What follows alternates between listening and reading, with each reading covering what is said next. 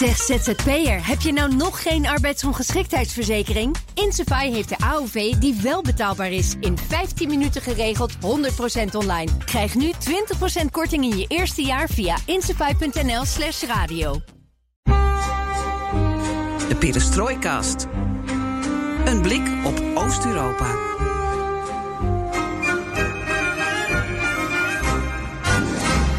Welkom bij BNR Perestrooikast. De 60ste aflevering van de enige podcast van Nederland die volledig oog voor het oosten geeft en heeft. En over twee landen die we in de laatste perestrooi kort voorbij zagen komen, gaan we het ook deze keer hebben. Wit-Rusland en Litouwen. En Rusland komt erbij. 60, Geert-Jan, 60. Hoe komen we opeens aan 60 afleveringen?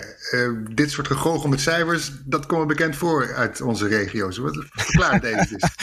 nou ja, uh, jij bent mijn uh, controlerende kiescommissaris, dus dan heb je recht op een verklaring. Uh, juiste verklaring. Ik zal het uitleggen. Ik was eens gaan rekenen. Wij maken nu zoveel spin-off afleveringen. Gewoon omdat we het leuk vinden natuurlijk. Uh, en belangrijk. Want perestrooi quarantaine, dat kwam natuurlijk op in de coronatijd, in de harde lockdown tijd. Toen het hmm. iedereen wat rauw op het dak viel. Toen hebben we nog een aflevering gemaakt, zelfs over uh, Wit-Rusland, over Lukashenko, die het had over wodka en ijshockey en trekkers. En dat dat allemaal het coronavirus zou verdrijven. Een beetje de katalysator ook wel voor uh, uh, de problemen waar hij nu mee te maken heeft. Nou, dat was een perestrooi quarantaine. Maar we maken ook zo nu en dan een perestrooi kort. Dus uh, voor ons doen relatief kortere afleveringen. Uh, om bijvoorbeeld uh, bovenop het nieuws te zitten. We hebben daarbij een verkiezingsuitslag in Polen geduid. en we hebben het ook een keer over Wit-Rusland gehad. En wat ik ook nog erbij heb gerekend, is dat we een aflevering opnieuw hadden opgenomen en gepubliceerd. Oh, die ja. Uh -huh. ja, want de geluidskwaliteit was zo bagger dat we dat onze luisteraars niet aan konden doen. Had ook te maken met dat onze moppetapper in Moskou het zo nodig vond om onder zijn bureau ongeveer te gaan boren en koffie te zetten. Zo kwam het althans op de luisteraar over. Ja, those were the days. Uh, ja. kameraad? Nou ja, het is, is, duidelijk. 60, uh, gewoon keurig uh, 60. Geen vervalsingen, maar duidelijk uitgelegd. Het is ook makkelijker om bij te houden. Dus vanaf nu gaan we, het gewoon, gaan we de nummering okay. weer een beetje uh, aanpassen. Dat is goed. Ja. 60, champagne dus, rondgetal. Nou ja, pas na het gesprek, pas na de opnames. En ook na het gesprek dat jij hebt met een bijzondere vrouw, Floris. Of eigenlijk had. Mm -hmm. Want jij hebt uh, eerder deze zomer een uh, gesprek opgenomen. Echt een mooi gesprek met uh, Claudia Heinerman. En dat was in Amsterdam. Klopt, ja. Zij is een Duitse Nederlandse fotograaf die veel in het Russische, Ruslands Verre Oosten komt. En ze heeft een prachtige boekenbox uitgegeven over Siberische bandelingen. Te bestellen op siberianexiles.com reclame maken doen we graag. Uh, sommige luisteraars hebben er misschien al een blik op geworpen. En ja, zij is inderdaad bij mij in Amsterdam geweest en we hebben over haar ervaringen in Siberië uitgebreid gesproken. Ja, Siberië, dat gaat straks uh, terugkomen natuurlijk. En we sluiten uh, zoals altijd af met onze Moscoviet. Uh, je hoort hem wel, maar je ziet hem niet. Joost Bosman, die moet wel met een goede mop komen, want de concurrentie dient zich aan. Ja, en uh, hij moet uitkijken. Niet zomaar concurrentie. Enfin, we zien waar hij mee gaat komen. En je weet het inmiddels, alles ten oosten van de rivier de Elbe kan de komende weken, maanden, jaren in deze podcast besproken worden. En wat leuk is, is dat wij heel sociaal en democratisch zijn. En dat je je ideeën en je vragen kan inbrengen via Twitter, perestrooikast. Of uh, je kan ons mailen op perestrooikast.bnr.nl. En we doen er wat mee. Ik ben Floris Akkerman. Ik ben Geert-Jan Haan. En dit is BNR Perestrooikast.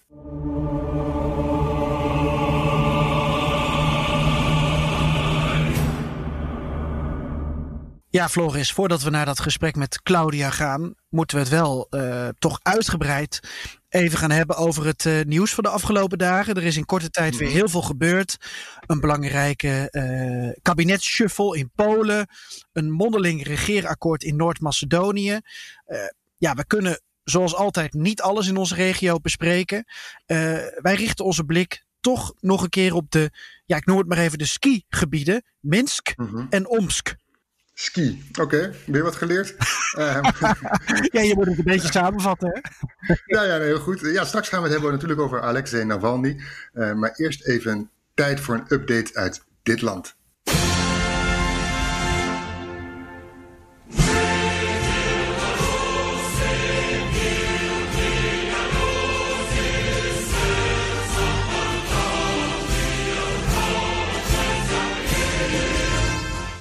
Ja, ik zie het weer voor me. Floris, de, de velden, uh, de trekkers, het idyllische Wit-Rusland, waar zelfs uh, Michiel Driebergen nu over twittert. Prachtige plaatjes ja, van, uh, van heerlijke lokale soep. Um, Je smelt ervan. Ja, jij wil even weg van dat eten. Jij wil een vergelijking maken uh, tussen Lukashenko en een wielrenner. En daar heb je over geschreven. En dat ga je nu even live.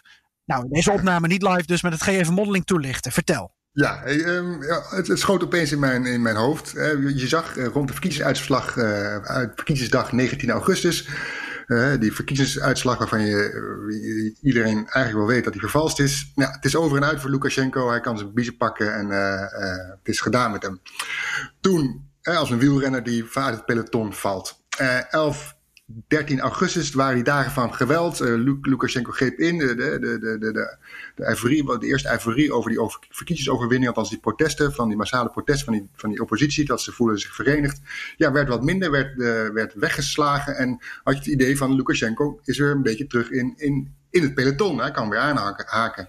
Vervolgens zag je 14, 17 augustus die protesten, stakingen, vrouwen gingen de straat op. En ja, toen leek het uh, eigenlijk wel gedaan met Lukashenko. Abandon. En Zeg je? Abandon. Precies, ja. Uh, in de bezemwagen. En nu, 19 augustus, deze week, lijkt hij toch weer zich ja, weer letterlijk uh, terug te vechten in dat peloton. Om uh, toch weer in ieder geval te voorkomen dat hij valt, zijn ondergang tegemoet gaat. Ja, wie zitten er nog meer in dat peloton dan? Want, want, want Lukashenko is het peloton, maar wie, wie zijn zijn helpers? Wie heeft hij nog bij zich? Ja, wie hij heeft bij zich is de veiligheidsapparaat. En hij heeft het uh, lokale bestuur heeft hij ook nog bij zich. Um, in ieder geval het veiligheidsapparaat, daar wil ik wat nader over hebben. Um, ik heb daar een artikel over geschreven voor het Reformatorisch Dagblad uh, deze week. En ik sprak daarover met een expert. En die vertelde me onder meer dat, dat die veiligheidsraad, dat is nog een van de twee pilaren waar Lukashenko nu op bouwt. Waar hij op kan vertrouwen en die hem overeind houdt. En die is veranderd van tactiek, van een harde zoals we het vorige week zagen met al die, uh, met het geweld op straat en, en, en, in de gevangenissen, van harde naar slimme repressie. En daarbij spelen die fabrieksarbeiders een sleutelrol uh, in het succes van de oppositie. Hè. Als die oppositie die fabrieksarbeiders meekrijgt, met al die fabrieken waar Lukashenko zo hoog van opgeeft. Hè, zijn fabrieksarbeiders, dat is, dat is mijn steun, daar, daar bouw ik op, daar maken we dit land groot mee. Um, ja, als de oppositie die meekrijgt, ja, dan slaan ze een flinke slag. En we zagen die fabrieksarbeiders uh, dus staken. En Minsk uh, moet dus voorkomen dat uh, die arbeiders zich aansluiten bij de oppositie. Dus wat doet het veiligheids veiligheidsapparaat? En dan bedoel ik agenten, oproerpolitie, geheime dienst, ministerie van Binnenlandse Zaken. Die probeert die solidariteit onder arbeiders te breken. Al die, die expert die ik sprak, André Jeliseev. Uh, en dat gebeurt door sommige loonopslag te geven. Die denken van, ah goed, uh, ik kan weer meer verdienen, laat ik me maar gedijst houden. Ze proberen arbeiders van elkaar af te zonderen. Verschillende ruimtes in, in, zo'n fabriek, zodat ze niet met elkaar kunnen communiceren en kunnen, samen kunnen optrekken. En ze doen dat dus door het arresteren van enkele arbeiders, de afschrik, afschrikking. We hadden in de vorige afgelopen perestrooikort hadden we dat uh, item hè, van hoe gaat die, hoe gaat die, mm -hmm. ga weg, ga weg. Dat beroemde filmpje, dat Ceausescu-moment zou je zeggen. Uh, na afloop zijn er enkele arbeiders dus van die bijeenkomst waar Lukashenko dus aanwezig was en de, en de mensen toesprak, waar die werd uitgejouwd, zijn dus wel degelijk een aantal arbeiders opgepakt.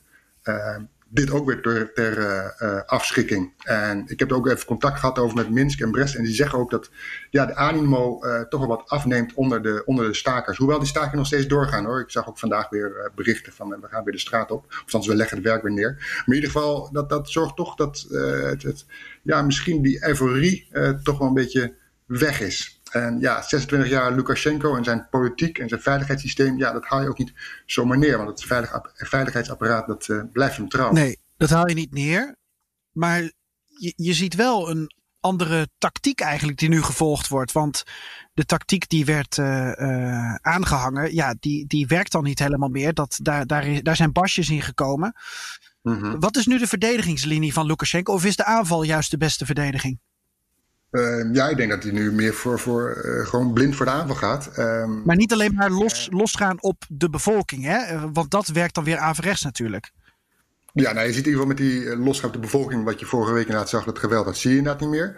Uh, dat werkt inderdaad averechts en dan gaan mensen alleen maar de straat op. Dus wat bijvoorbeeld de oproerpolitie doet, die pikt dus her en der wat mensen eruit om ze te arresteren. En wat je ook ziet, is dat de staatsmedia, waarvan je die dacht, of waarvan het leek, die die pakken de, nemen de kant van de, van de, van de oppositie, kiezen ze. die heeft zijn rol ook weer opgepakt en die gaat er vol op los eigenlijk. Ehm, het lijkt Rusland wel, en dat misschien niet helemaal toevallig, want er zouden Russische journalisten aan de knoppen zitten. Die zouden de staatsjournalisten die opgestapt zijn, die zijn vertrokken of die staken, die zouden worden vervangen door die Russische journalisten. Ehm, dus wat verschijnt er op de staatsmedia? Een video uh, waarin uh, ja, de autoriteiten de bevolking toch wel proberen op andere gedachten te brengen. Luister maar eens hiernaar.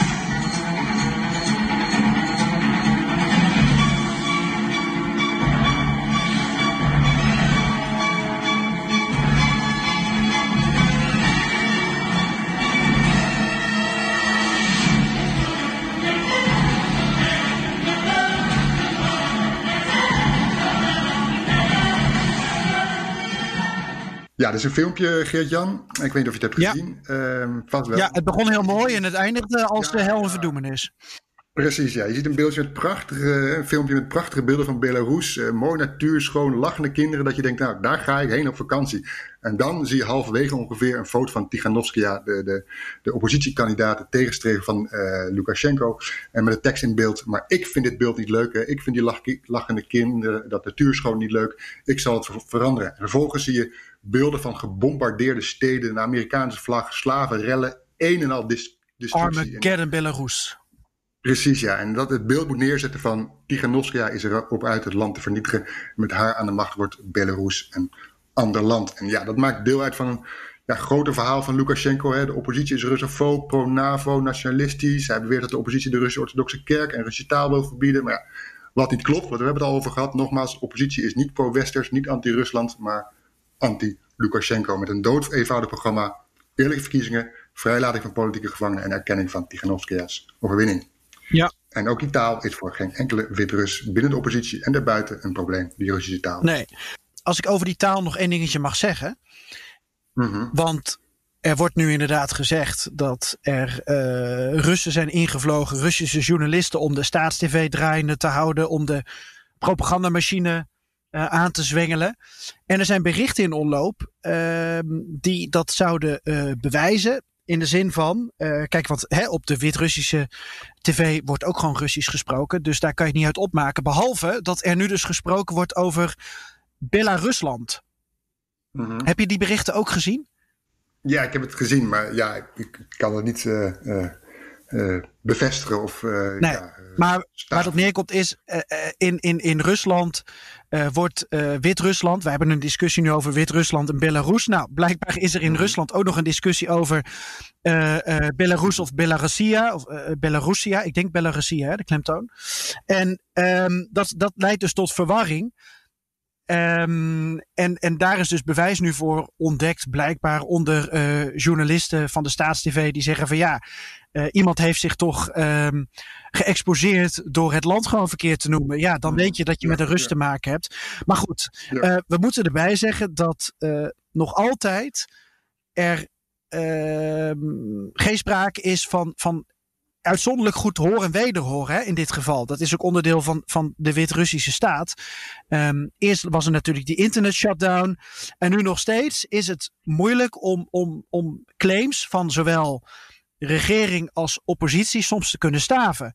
Ook, ook van mhm. journalisten is het soms moeilijk om, om daar de vinger achter te leggen. Want jij had het ook over de rol van de autoriteiten. Er komen ook berichten tot ons dat in uh, Grodno, of Rodna, de vijfde stad van uh, Wit-Rusland, tegen de Pools-Wit-Russische mhm. grens, dat daar de lokale autoriteiten het dus een beetje, de teugels een beetje hebben laten vieren. En uh, dus weer wat demonstraties toestaan. Maar goed, daar zit sowieso ook een iets ander bestuur. En we weten niet zo goed hoe daar dus vanuit Minsk op gereageerd wordt. Of dat juist bewust een beetje wordt gedaan om toch een beetje goede sier te maken op sommige punten. Het blijft af en toe een beetje schimmig om vanuit hier uh, de juiste berichtgeving mee te krijgen. Zeker, dat blijft lastig. Maar dat is misschien ook, ja, in zo'n situatie uh, wordt er natuurlijk van alles de wereld ingeslingerd wat wel niet waar is. Dus ja. Aan onze taak om eruit te filteren wat. Gaan we het zo nog over hebben bij Navalny? Want dat is natuurlijk ook uh, heel interessant. Ja, nog, een, nog even tot slot over die tactiek, uh, die, dus die nieuwe strategie die Lukashenko uh, uh, nu gebruikt. Hè? Dat, dat, dat moet dus het land verdelen, twijfel zaaien, hè? die oppositie uit elkaar halen, mensen toch weer uh, neutraal laten worden, of in ieder geval de kant van Lukashenko uh, kiezen. Dus ja, de, de, de, de strijd, om het zo maar even te zeggen, is nog in volle gang ik had het nog met de oppositie over. Ik had iemand over die meedoet aan die demonstraties. En die hield zich vast van aan het. Uh, van uh, hoe kijk je tegenover deze tactiek, tactiek? Hij zei van ja, wij zijn in ieder geval met meer. En uh, ja, het volk is tegen hem en, en, en zijn regime. Dus ja, de, macht van het getal, hè, die grote hoeveelheid protesten of demonstranten. Ja, die moet de oppositie toch het vertrouwen geven van. of moet het oppositie het vertrouwen geven van hier. hier moeten wij opgewelst zijn tegen. Nou ja, de EU heeft zich nu uitgesproken. Want daar was het een beetje, ja. uh, zat men een beetje op te wachten van hoe gaan uh, uh, Brussel en ook in mindere mate Amerika reageren. Nou, met name Brussel heeft zich geroerd. En er is nu dus unaniem gezegd, we erkennen Lukashenko niet als legitieme president. De verkiezingen waren niet eerlijk. de uitslag klopt niet. En dat is dus niet gedwarsboomd door bijvoorbeeld Hongarije, waar van tevoren wel een klein beetje vanuit werd gegaan. Um, Orbán en uh, Lukashenko zijn natuurlijk uh, uh, kameraden. Orbán is in juni nog in Minsk geweest. Maar ja, dat is natuurlijk toch ook een beetje tactiek nu van Hongarije. gaat een beetje mee met Polen en de Visegrad-landen die zeggen van nou, en de Balten van we kunnen dit niet over ons heen laten gaan. maar goed, Um, Ja, Orbán zal uh, waarschijnlijk in een later stadium wel weer kunnen profiteren van het feit dat hij nu een wit voetje heeft gehaald. En dat hij nu dus uh, mee is gegaan met, uh, met het niet erkennen van de verkiezingen. En straks komt er een punt van ja, gaan we heel hard sanctioneren? willen we meer invloed op Minsk uitoefenen?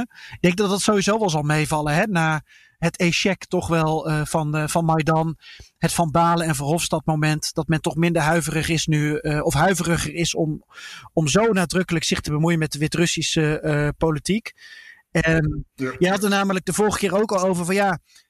het zal niet zo snel gaan als men misschien denkt of hoopt. Dat zeg je nu ook. Je had het toen over een Hongkong scenario. Ik zat zelf ook een beetje aan Venezuela te denken van ja. -hmm. um, we hebben nu Lukashenko, hè, Maduro in Venezuela, die we niet echt als uh, legitieme president zien. We erkennen eerder uh, Guaido, Tiganovskaya, ook al is dat niet helemaal wat de EU nu doet. Maar goed, daar kan je van uitgaan. Ja. Maar ja, -hmm. dat, dat is alleen maar van de buitenkant. Van binnenin verander je daar niks mee. Nu niet in ieder geval. Nee. Nee, nee, en, en uh, ja, dit is. Uh, het ene moment denk je van nou, de oppositie heeft de overhand. Het andere moment heeft, uh, denk je dat Lukashenko de overhand heeft. Misschien zijn ze wel gelijkwaardig en blijft het inderdaad een onbasistische strijd. Nou ja, als leestip nog een artikel in ehm, de KP, hè? Ja, de Kwamse Moskia. Moet je op Russisch kunnen. Voor degenen die Russisch ja. spreken. Ja, daarin wordt die vergelijking ook tussen Belarus en Venezuela getrokken. En welke argumenten erbij ja, heel goed. Nou, zijn we weer bij. Dan gaan we naar, naar ja, nou ja, ik wilde naar, naar, we houden ons bij de skigebieden. ben je wel eens wezen skiën in het oosten? Uh, ik heb in de Caucasus geskiet. Uh, in Sochi, vlak voor. Uh, ik heb de Olympische afdaling zelfs gemaakt. Uh, een jaar voor het begin van de Olympische Spelen, om daar een verhaal over te schrijven. Oh. Het was, was geweldig. Ja? Het was, ja, ja. die smiddags zat je nog, of s ochtends zat je de skiën en 20 minuten later zat je aan de Zwarte Zee. Ja, dat was briljant. En bizar. Ja, bizar. En uh, heerlijk shashlik eten op de berg.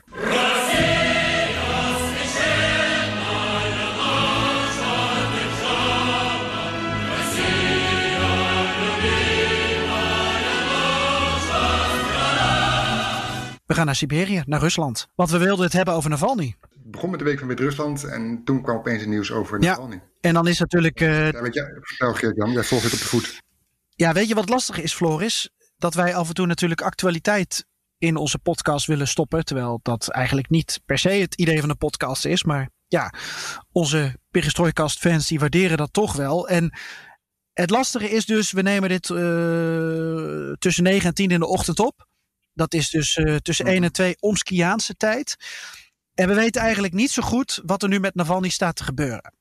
Wat we weten is dat er uh, vooralsnog geen toestemming is, wordt gegeven om hem te transporteren naar Duitsland, naar een ziekenhuis. Dat is gestuurd door een Duitse NGO. Uh, die de beste specialisten aan boord hebben, de beste apparatuur aan boord hebben. En die hem dus eigenlijk willen behandelen in Duitsland zelf. Um, er zijn ook eerdere voorbeelden van uh, activisten, uh, oppositieleden. die naar het buitenland mochten, het al dan niet overleefd hebben. Maar in ieder geval zou daar betere hulp zijn dan in Omsk, waar Navalny uiteindelijk is uh, geland en zo snel mogelijk met gierende banden naar het ziekenhuis is gebracht.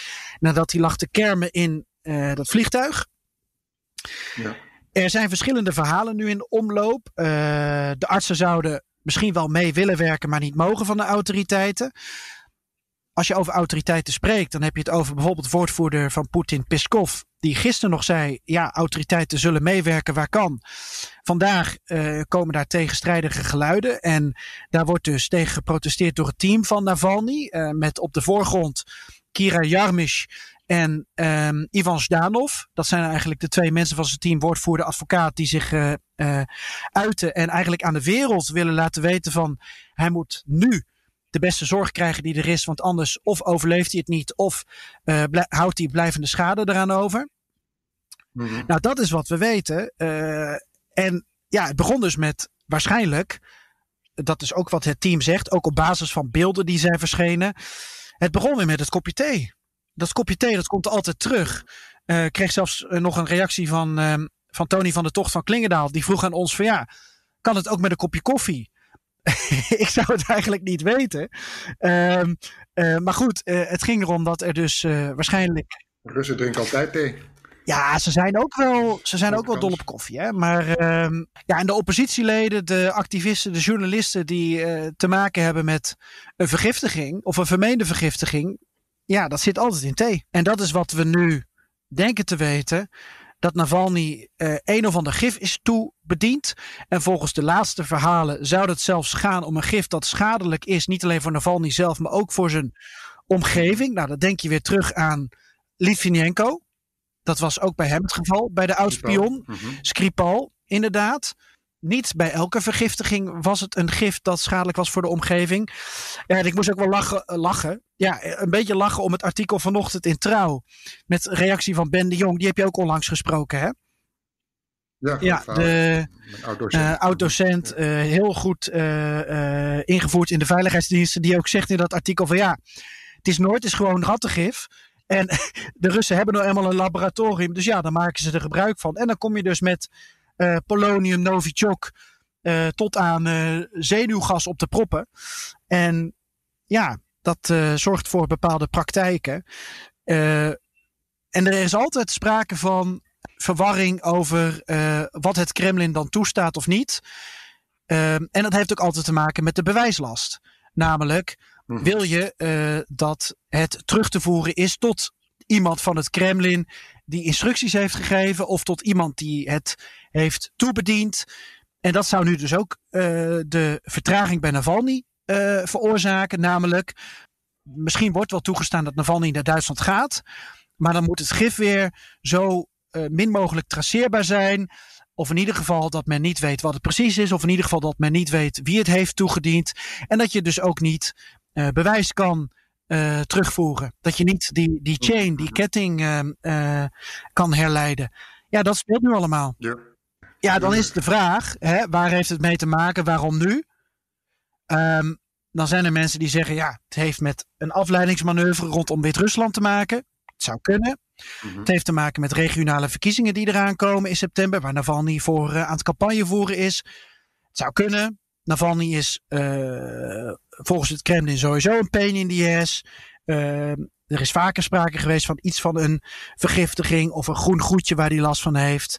Um, het is niet nieuw.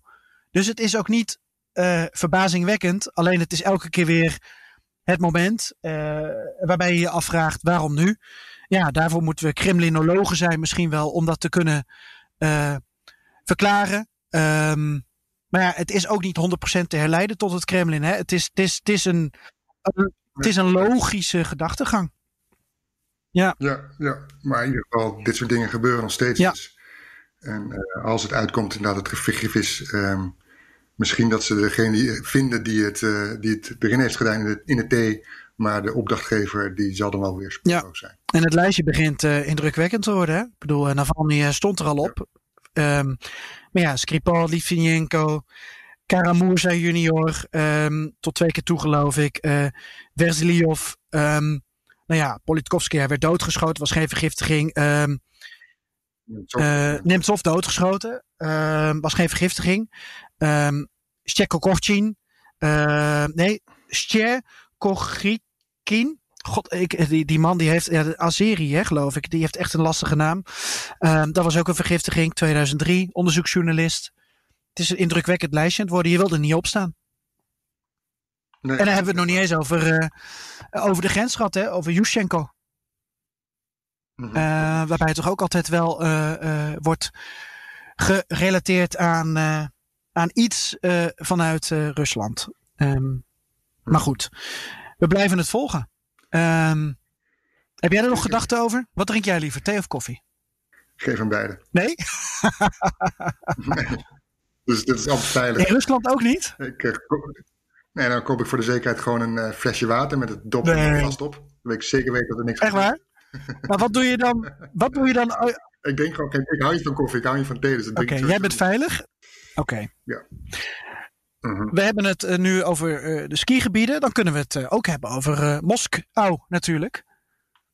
Daar gaan we het in ieder geval straks over hebben. Hè? Want straks komt nog de mop van, van Joost. Ja, ja. We, we, we, blijven in Siberië. Ja. Vertel. Nou, we gaan zo naar, luisteren naar een gesprek met fotografe Claudia Heinerman. Een gesprek waar je helaas niet bij kon zijn, Geert-Jan. dus heb ik het maar op me genomen. En dat begint met het volkslied dat we in de vorige perestrooikast, dus uh, perestrooi kort, ook al gehoord hebben. Dat van Litouwen.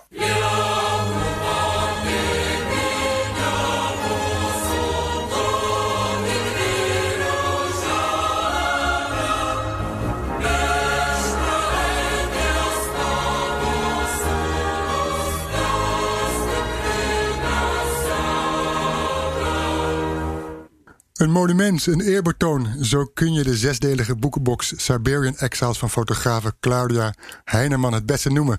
Het gaat over Litouwse bannelingen die onder Stalin naar Helse Noorden in Siberië werden gedeporteerd, waar ze dwangarbeid moesten verrichten. Heinerman sprak met de overlevenden, portretteerde ze en zocht ze op in Litouwen en ook in Siberië, waar sommigen achterbleven. Deze box die ik hier voor me heb liggen, het is toen ik hem open maakte thuis. Dus uh, ja, je wordt meteen doorgegrepen. Of het je, je pakt je oog en, en, je wilt het echt meteen in gaan lezen. Uh, deze box is onderdeel van een trilogie. En die is nu dus uit. Het zijn zes delen.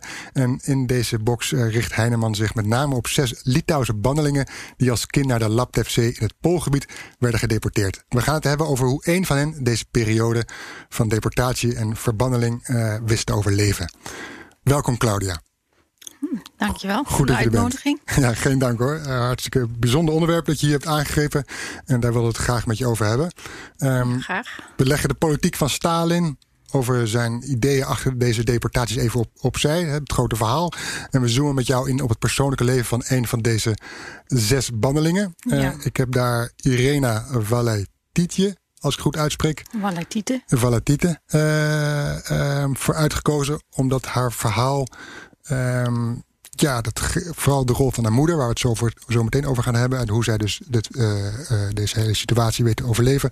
Mij toch wat het meeste aansprak. Um, om te beginnen, kun je in vogelvlucht haar deportatie beschrijven? Ja, ja, ik ga het proberen.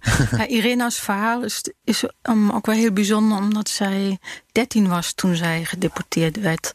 Dus zij heeft een, een vrij scherp geheugen Um, en kan heel goed vertellen wat er allemaal gebeurd is. Terwijl de andere, anderen in het boek waren jonger toen ze gedeporteerd werden. Dus mm -hmm. dat, dat herinnering is ietsjes, uh, iets beperkter, zeg maar. Ja. maar Irina die werd uh, net zoals de anderen op 14 juni opgepakt. Uh, samen met haar familie. Haar vader die was beroepssoldaat. En uh, de het ging met name om die vader, dat die vader opgepakt zou worden. Maar in die tijd werd dan meteen de hele familie mm -hmm. opgepakt. De vader werd naar een gulagkamp toegestuurd. En de familie, dus de moeder en zij en haar broer... werden naar, uh, naar, naar het Altai-gebied gebracht. Ze werden toen in, in treinen gedumpt, in veewagons. Mm -hmm. En van, dus vanuit Litouwen samen ook vanuit de andere Baltische staten gingen ook treinen naar, de, uh, naar Siberië. En deze groep waar, waar, zij in zat, die werd naar, naar het Altai-gebied gebracht. -hmm. En in het Altai, dan moesten ze, uh, moesten de, de, mensen die oud genoeg waren, um, landarbeid, verrichten of bomen hakken. Ja. En daar zijn ze één jaar gebleven. En toen zijn ze, is een groep van 3000 mensen verplaatst naar de Laptefzee. Dus dan zijn ze eerst per trein, daarna met de boot via de Lena-rivier helemaal naar boven naar de Laptefzee gebracht. Ja, ja. En toen zag ik je daar verder over. Ja, ja, ja, ja graag. Toen, toen ze daar aankwamen, toen was er helemaal niets. Er waren, waren nog geen, geen huizen, gewoon echt helemaal niets. Dus ze moesten, toen ze aankwamen... En ze kwam er aan met haar moeder en haar broertje. En haar broertje, precies. ja. En 3000 andere Litouwers.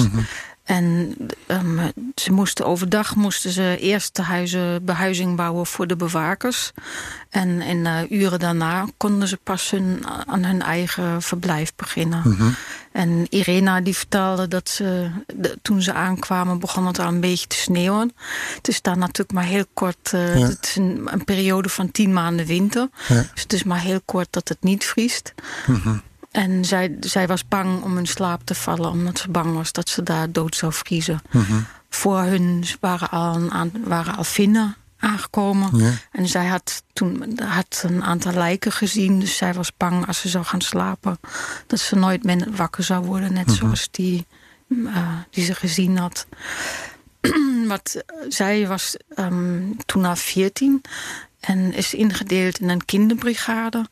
En dat houdt in dat ze 12 uur per dag moest werken. En wat voor werk deed ze daar precies? Eh, van alles. Het begon eh, eh, bomen, boomstammen uit het water halen. later vuurhout verzamelen voor de bewaking. Zodat de bewakers konden stoken. Ehm, de, de, op een gegeven moment werd ze uitgezonden met een, om te gaan te helpen bij het vissen. Toen was haar taak om vis in te pekelen. En ehm, de bedoeling dat zij daar überhaupt vis moesten vangen... was omdat de Stalin wilde graag vis hebben voor... eh, er zijn soldaten aan het front. Dus het idee was om die Noord, Noordpool of Noordgebieden, noordelijke gebieden, om daar een, een, ja, een soort visindustrie op Ja. te richten. En, en tot wanneer bleef Irene daar? Wat was... eh, Irena is in 1948 is ze er vandoor gegaan. Wat vrij uitzonderlijk is. De meeste mensen die daar verbleven, die zijn in, na Stalins dood in 1953 Ja. ongeveer, konden ze terug naar, konden ze naar Yakutsk. toen het, regime iets lichter werd? werd het re- regime iets soepeler. Ja. En toen, toen mochten ze naar Yakutsk. En maar pas eind jaren 50 mochten de meeste mensen terug naar Litouwen. En zij is er vandoor gegaan omdat er was een, op een gegeven moment een, een expeditie van wetenschappers daar op het eiland. En blijkbaar hadden die op de een of andere manier medelijden met haar. Dus zij hebben de, de bewaking, de, de NKWD probeert over te halen om, om haar mee te laten gaan. Ja. En dat zij heeft haar kans gegrepen en is meegegaan. En, maar was daarna naast natuurlijk verder helemaal op zichzelf gesteld. Dwars door Rusland, Sovjet-Unie Nee toen. ze, ze, nee, ze is met, dus met hun- met de boot vanuit dat, eh, dat eiland Ja. ehm, naar Yakutsk gegaan. En in Yakutsk was ze weer op, op, op zichzelf aangewezen om, ja, om zichzelf te zien te redden. ja. En van daaruit... Wat, zij, wat ze daar gedaan heeft, ze, is, ze kwam aan en kende niemand. En wist, wist ook eigenlijk helemaal niet goed waar ze was. En ze kwam toevallig terecht bij een eh, universiteit of bij een school. En ze heeft zich gewoon uitgegeven als scholier. wa- Waardoor ze daar een slaapplek kreeg. En op die manier ehm, heeft, ze, heeft ze geprobeerd om daar eh, op school ook als leerling te kunnen blijven. En dat lukte. Uiteindelijk is ze wel daar opgepakt omdat ze door de, door de ja, NKWD nog om haar papieren te laten zien. Die waren niet compleet. En eigenlijk zou ze dan terug weer naar het eiland moeten. En de, zij begon toen te huilen en was, was erg overstuur. En toen heeft een van, van, de, eh, van die mensen had een beetje medelijden met haar. En eh, ging haar tranen wegvegen. En toen zei ze van, ik wil zo graag terug naar Litouwen. En toen zei hij, nou, dat kan je doen als je wilt. Wat, wat natuurlijk helemaal niet eh, serieus was. Maar zij heeft dat wel serieus genomen. En met de studiebeurs die ze inmiddels had om, om, te, mogen, om te kunnen studeren... heeft ze een ticket betaald en is ze terug naar Litouwen gegaan. Maar dat was eigenlijk illegaal. Dus in Litouwen heeft ze uiteindelijk nog jarenlang uh, onderdoken gezeten. Omdat ze bang was dat ze daar opgepakt zou worden en gevangen zou gezet zou worden. Dus een leven continu in angst. Ja. Eigenlijk. Ja. Um, in, in het gebied waar ze uiteindelijk uh, naar gedeporteerd wordt, uh, samen met haar moeder en een broertje, Altai en daarna naar de Laptevzee. Mm -hmm. uh, haar moeder speelt een enorm belangrijke rol in het overleven van, dat hele, ja. van die hele deportatie onderweg, maar ook daar ter plekke. En wat, wat doet ze allemaal niet voor haar kinderen? Um, Irena's moeder deed wat, wat de meeste moeders daar deden. Uh, namelijk zorgen dat, dat de kinderen voldoende eten binnen zou, zouden krijgen. En nou ja, voldoende is in dit geval overdreven.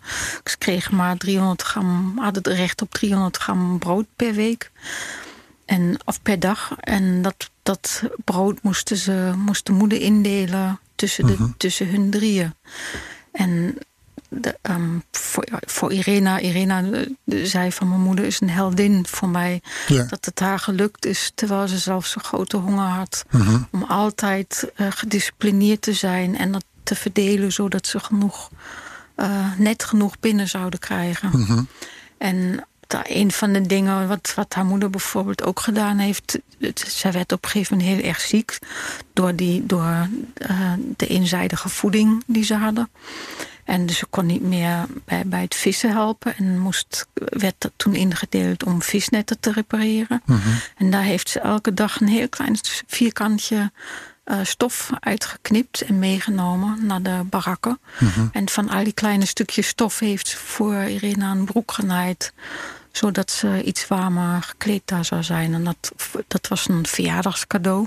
Goed. En Irena zei van nou, dat is misschien wel het mooiste en liefste, belangrijkste cadeau wat ze in haar hele leven gekregen heeft. Ja, dus continu ja, is je moeder bij en, en die ontfermt ja. zich over ja. haar kinderen. En zegt ook, zolang ik leef, zullen jullie niet tekort komen. Ik zal alles doen. Ja dat ja. jullie uh, overleven.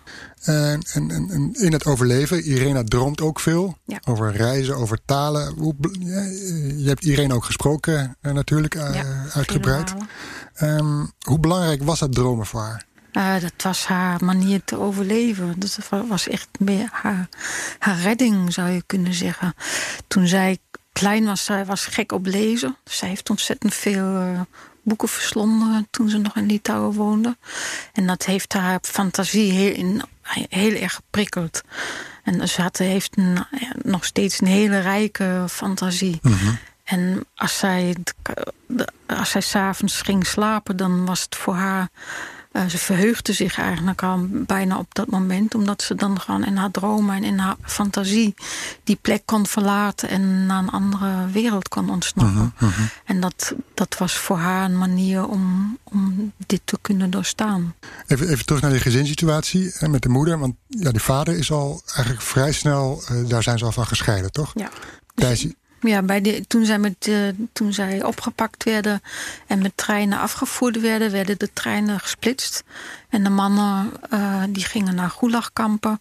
En uh, de gezinnen die werden vaak ja, naar de afgelegen gebieden ja, gebracht. Ja, ik kijk even naar een portret ja. van het gezin met Irene met een strik in haar haar.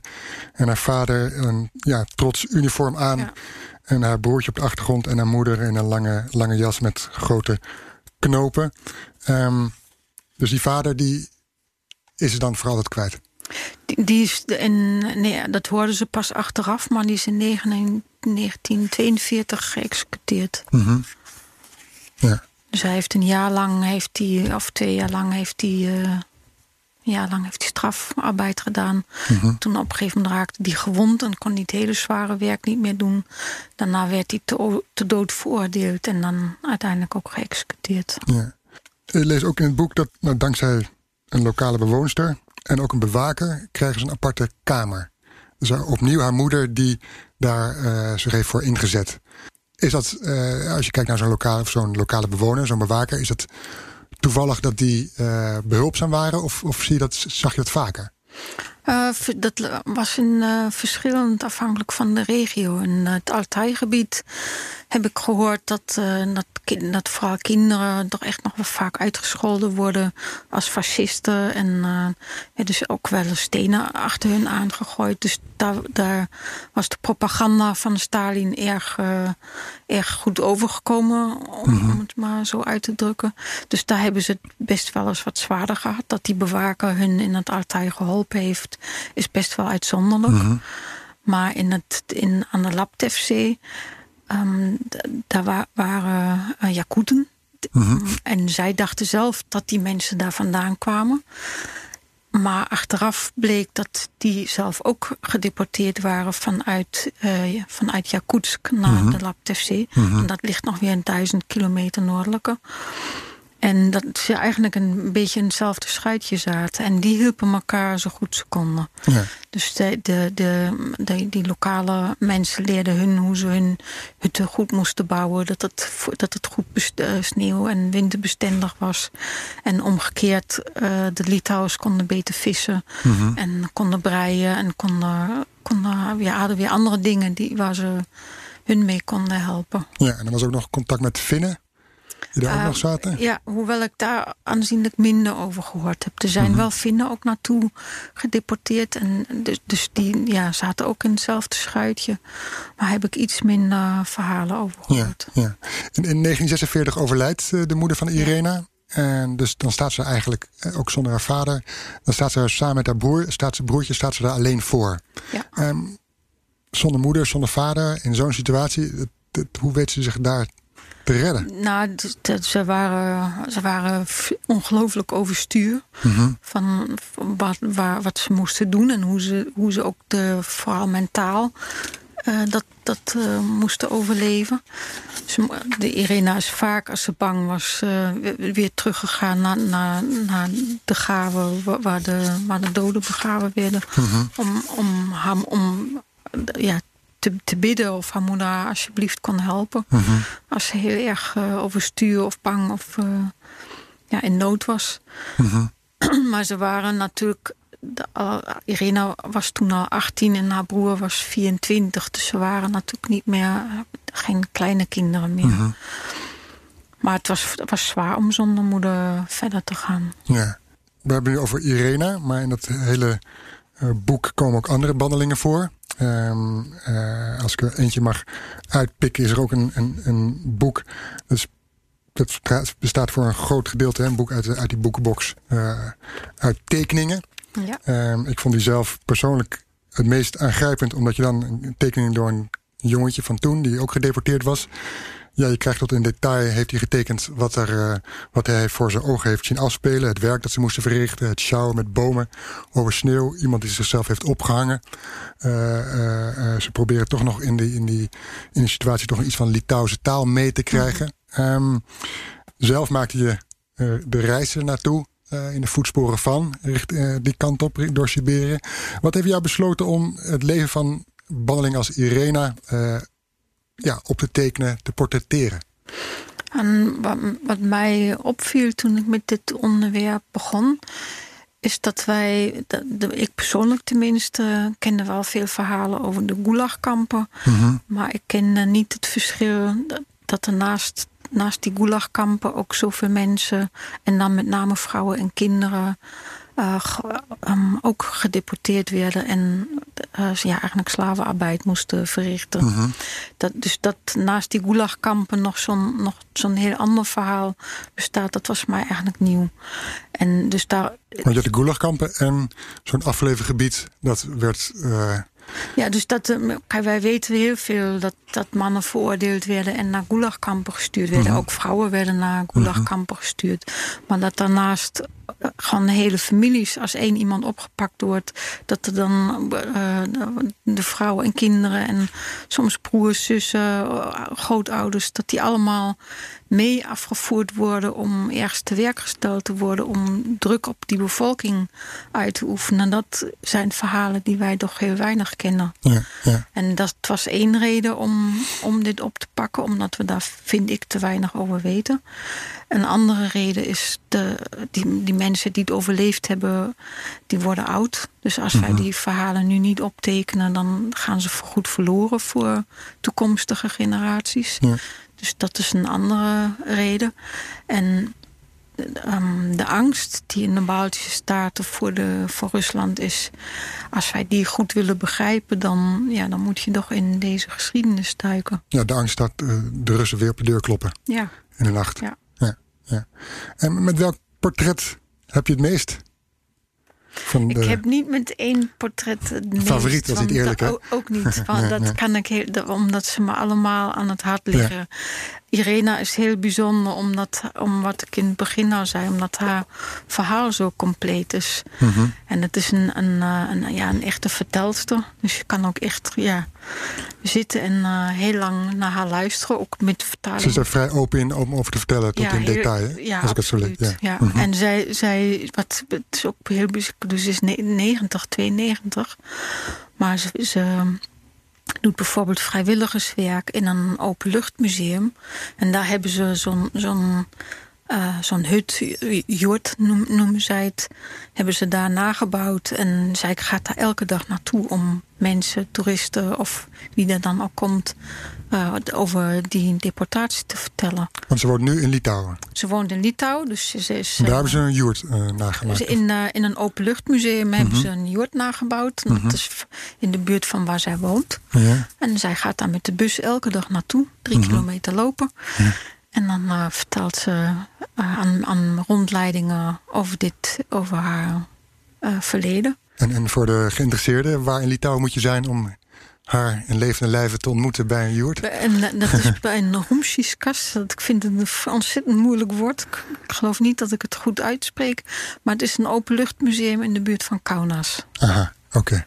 Dus, dus even, dan is het te vinden als je Even googelen. Oké, okay, ja. moeten we doen. Gaan we doen. Ja. Um, je hebt het zo even een beetje aangestipt. Hè? Die, die, die deportaties, die bandelingen. Je hebt nu het verhaal geschreven van mensen die het overleefd hebben. Maar er zijn ook mensen die het heel niet hebben overleefd. Um, je zei het zo even al, de angst voor de Russen. Ja, dat, dat werkt nog steeds. Dat dreunt nog enorm hard door. Hè? Ja, dat, dat klopt. Dat, dat, dat blijft tot uh, uh, in de eeuwigheid worden die verhalen ook doorgegeven aan generatie op generatie aan kinderen. Uh, ja, die, als, je nu, als je nu in een schoolklas gaat. Ik heb één keer in een schoolklas uh, gezeten of gekeken. En dan heb ik aan kinderen gevraagd van hoeveel. Of om hun vinger op te steken als ze in hun familie een deportatieverhaal hadden. En meer dan de helft van de kinderen steekt de vinger op. Dus het is iets wat een, wat een heel groot deel van de bevolking heeft meegemaakt. En het is, het is niet, niet, ook niet alleen de deportatie die leeft, maar ook de bezetting. Het land is natuurlijk tot uh, begin jaren negentig bezet geweest. Ja, ja, en ja. Dat, dat zit hun gewoon heel erg diep. Ja, want uh, dit is het eerste deel van een trilogie. Wat komt er nog meer aan? Hierna komt nog een gedeelte, dus een gedeelte over Letland en Estland. Uh -huh. En ik probeer bij die andere twee, twee delen weer vanuit een ander oogpunt over dit verhaal te vertellen. Terug even naar Irena. Zij keert in 1989 terug ja. naar die zee, uh, naar die Laptevzee. En daar vindt ze haar moeders lichaam terug. Ja. Vrij goed nog intact, uh, heb ik begrepen, of las ik eruit. Ja. En ja, wat heeft dat voor haar betekend dat ze eindelijk na al die jaren haar moeder terug heeft kunnen vinden? Ja, dat was overweldigend Mhm. was dat voor haar. Het is heel uitzonderlijk dat die expeditie überhaupt heeft kunnen plaatsvinden. De eindjaren in, in 89. Ja. En het, er zijn twee expedities geweest. Eentje naar de Laptevzee en eentje naar Igarka. Dus de- en in beide expedities wilde, was de bedoeling dat mensen eh, die daar geweest zijn... dat die de graven van hun voorouderen zoeken. Mhm. En ze opgraven en weer mee terugnemen... om ze in Litouwen te kunnen begraven. Ja. En voor Irena... ehm, de Irena beschreef dat alsof haar hart explodeerde toen ze het graf van haar moeder konden openmaken. Dat is, ze hebben anderhalve dag met een paar man in het permafrost Mhm. lopen hakken om, om bij die kist te komen. En toen ze de kist openmaakten, konden ze haar moeder nog herkennen. Ja. Haar moeder is rond, eh, rond met 40-jarige leeftijd ongeveer overleden. Irena was toen 60. En ze schrijft van, moet je je voorstellen dat je als 60-jarige vrouw eh, de- de- in, in het gezicht van je 40-jarige overleden moeder kijkt. Ja. En zij beschrijft dat, dat ze aan de ene kant ehm, was ze ontzettend verdrietig en, en ja, vond ze het heel erg zwaar. En aan de andere kant ook, was ze ook ontzettend blij dat ze haar heeft uh, gevonden. Want dat hebben er heel veel niet. Mhm. En dat ze de kans gekregen heeft om haar terug naar, naar in, in Litouwen te kunnen Ja. begraven. Dat is, voor haar is dat het mooiste wat ze voor haar moeder heeft kunnen doen. Ja. Want en het lichaam van die moeder, is, dat is nog best gaaf, hè? Door de vrieskou. Ja, het is dat, eh, de lichamen, het is permafrost daar. Mhm. dus eigenlijk de, de overledene mummificeren. Mhm, ja. En het was nog, nogal een hele expeditie, een hele spannende expeditie ook om ze weer terug te brengen naar, naar Litouwen. Want, Om de, nou, ze, de, ze, ze konden geen, eigenlijk geen vervoer vinden, legaal vervoer vinden om al die kisten die, eh, die ze hadden geprepareerd, eh, eerst in lood en dan in, in hout. En ze hebben het allemaal heel goed zorgvuldig gedaan. Maar ze konden geen legaal vervoer vinden om de doodskisten mee terug te brengen. Dus uiteindelijk hebben ze ze als boeken, eh, stiekem als boekenkisten terug naar Litouwen eh, Ja. vervoerd. Ja. en daar kwamen ze ook daar- letterlijk aan. Daar kwamen ze in, eh, goed aan en konden ze begraven worden. En dat was een enorm happening in Litouwen om, toen, die, toen ze daar aankwamen. Ja, oké. Eh, dankjewel Claudia voor dit eh, mooie verhaal. En ook voor je, voor je, je boekenbox met foto's Ja. en tekeningen van overlevenden van die deportaties en, en bandelingen. Eh, je kunt de box bestellen via de website. Eh www.siberianexiles.com En ik wou nog zeggen dat de, de boek is vormgegeven door Sibren Kuiper. En die heeft er prachtig werk van gemaakt. Ja, zeker. Het misstaat niet in, op je, naast, je, naast je nachtkast of op je nachtkast of in je boekenkast. Dankjewel Claudia. Graag gedaan. Joost, welkom. Helemaal uit Moskou. Of zit je in Omsk? Nee, nee, ik zit niet in Omsk. Oké. Eh, het was misschien wel een idee geweest, maar ik had zoveel andere dingen ook nog te doen. En ik zit hier eh, nu eigenlijk toch meer het nieuws te volgen. Dus ik kan ook het beste vanuit eh, hier, want dan kun je gewoon alles in de gaten houden. En als je op reportage bent, is dat wat minder natuurlijk. Ja, we hebben het in deze aflevering gehad over Navalny, over Wit-Rusland. Eh, dat brengt mij ook op de augustusmaand. Ja, Er is Ja. altijd wat dan in Rusland. Vertel, het is weer jij zover, dat? hè? Nou ja, er zijn, eh, het is de rampmaand, hè, wordt Mhm. gezegd. Eh, we weten dat in, eh, da- daar begon het volgens mij, althans in mijn geschiedenisbeleving mee in 1991, augustus 91, toen Ja. het nog net de Sovjet-Unie was, vond er een staatsgreep pleeg, een staatsgreep plaats tegen, tegen, tegen Michiel Gorbachev.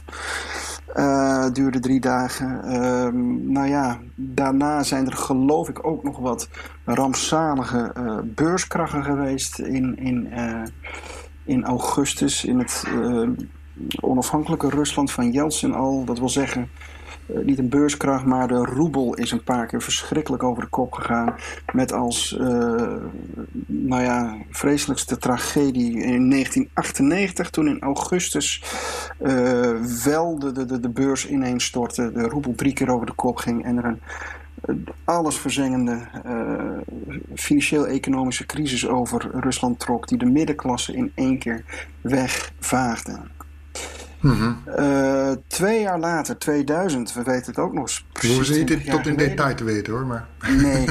zoals je Eh, morgen nog, het zijn er misschien nee zoveel. hoor, nee, nee, nee, maar je wil naar de. Koersk waarschijnlijk. Ja, de Koersk. Eh, twee, eh, twintig jaar geleden net zonk de, de, de onderzeeër Koersk. 118 eh, mariniers, marinemensen kwamen erbij om het leven. Eh, ook een vreselijke tragedie natuurlijk. Ja. en zo zijn er nog wat van die dingen geweest. En, Ja, ja, ik, herinner me de, de, de zomer van 2010, augustus. Bloedheet. Smok in Moskou. eh, de, de lijkenhuizen Ja. lagen vol met, met mensen die overleden door de hitte. Ook zo'n augustus ja, gebeurtenis. ja, ja. En nu dus ook weer. Ja, Navalny. Goed, dat is dan wel eh, zelf in gang gezet natuurlijk. Dat is niet echt een ramp. Eh, Nee. Maar het is wel weer in augustus, daar heb je gelijk in. Ja, ja. Kun jij om in deze tijden eh, dan ons toch even verblijden?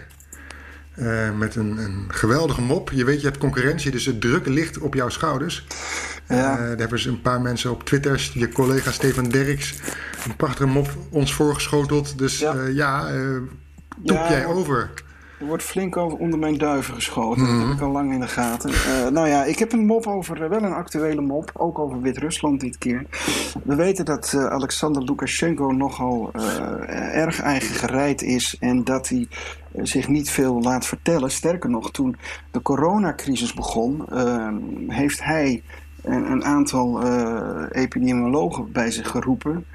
Uh, om, om uh, althans, dat dachten die epidemiologen eens een keer te, te, te uh, horen wat er nou aan de hand is. En die mensen die kwamen binnen en tot hun stomme verbazing begon Lukashenko zelf een monoloog af te steken over wat er aan de hand was. En, en, en nou, toen kwam hij met die verhalen over dat coronavirus, dat is helemaal niet zo ernstig, of het bestaat zelfs niet. Gewoon veel wodka drinken naar de sauna en trekken rijden. Mm -hmm. Nou.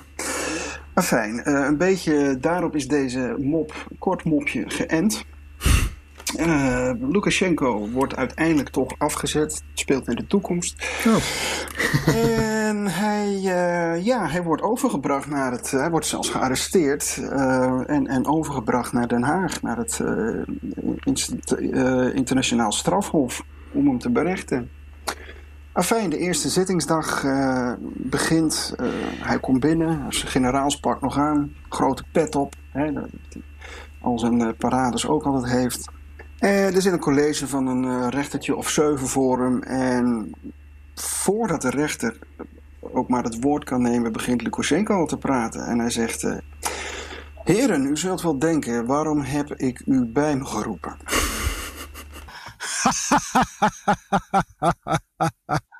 Ja, ja de, de, de, de concurrentie, want die komt inmiddels uit uh, allerlei hoeken en standen. Hè, uh, Steven Dirks. Ja, die concurrentie die, uh, wordt nu weggevaagd. Het is duidelijk. Joost Bosman is de enige echte moppetapper van Moskou. En omstreken en de perestrooikast. Ja. Hij staat bij ons op de loonlijst, dus hij hoeft zich geen zorgen te maken. Ajeto.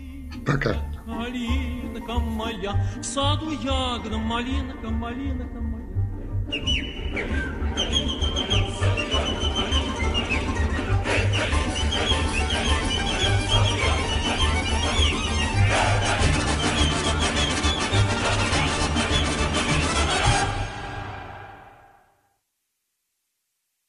Zeg ZZP'er, heb je nou nog geen arbeidsongeschiktheidsverzekering? Insafai heeft de AOV die wel betaalbaar is. In 15 minuten geregeld, 100% online. Krijg nu 20% korting in je eerste jaar via insafai.nl slash radio.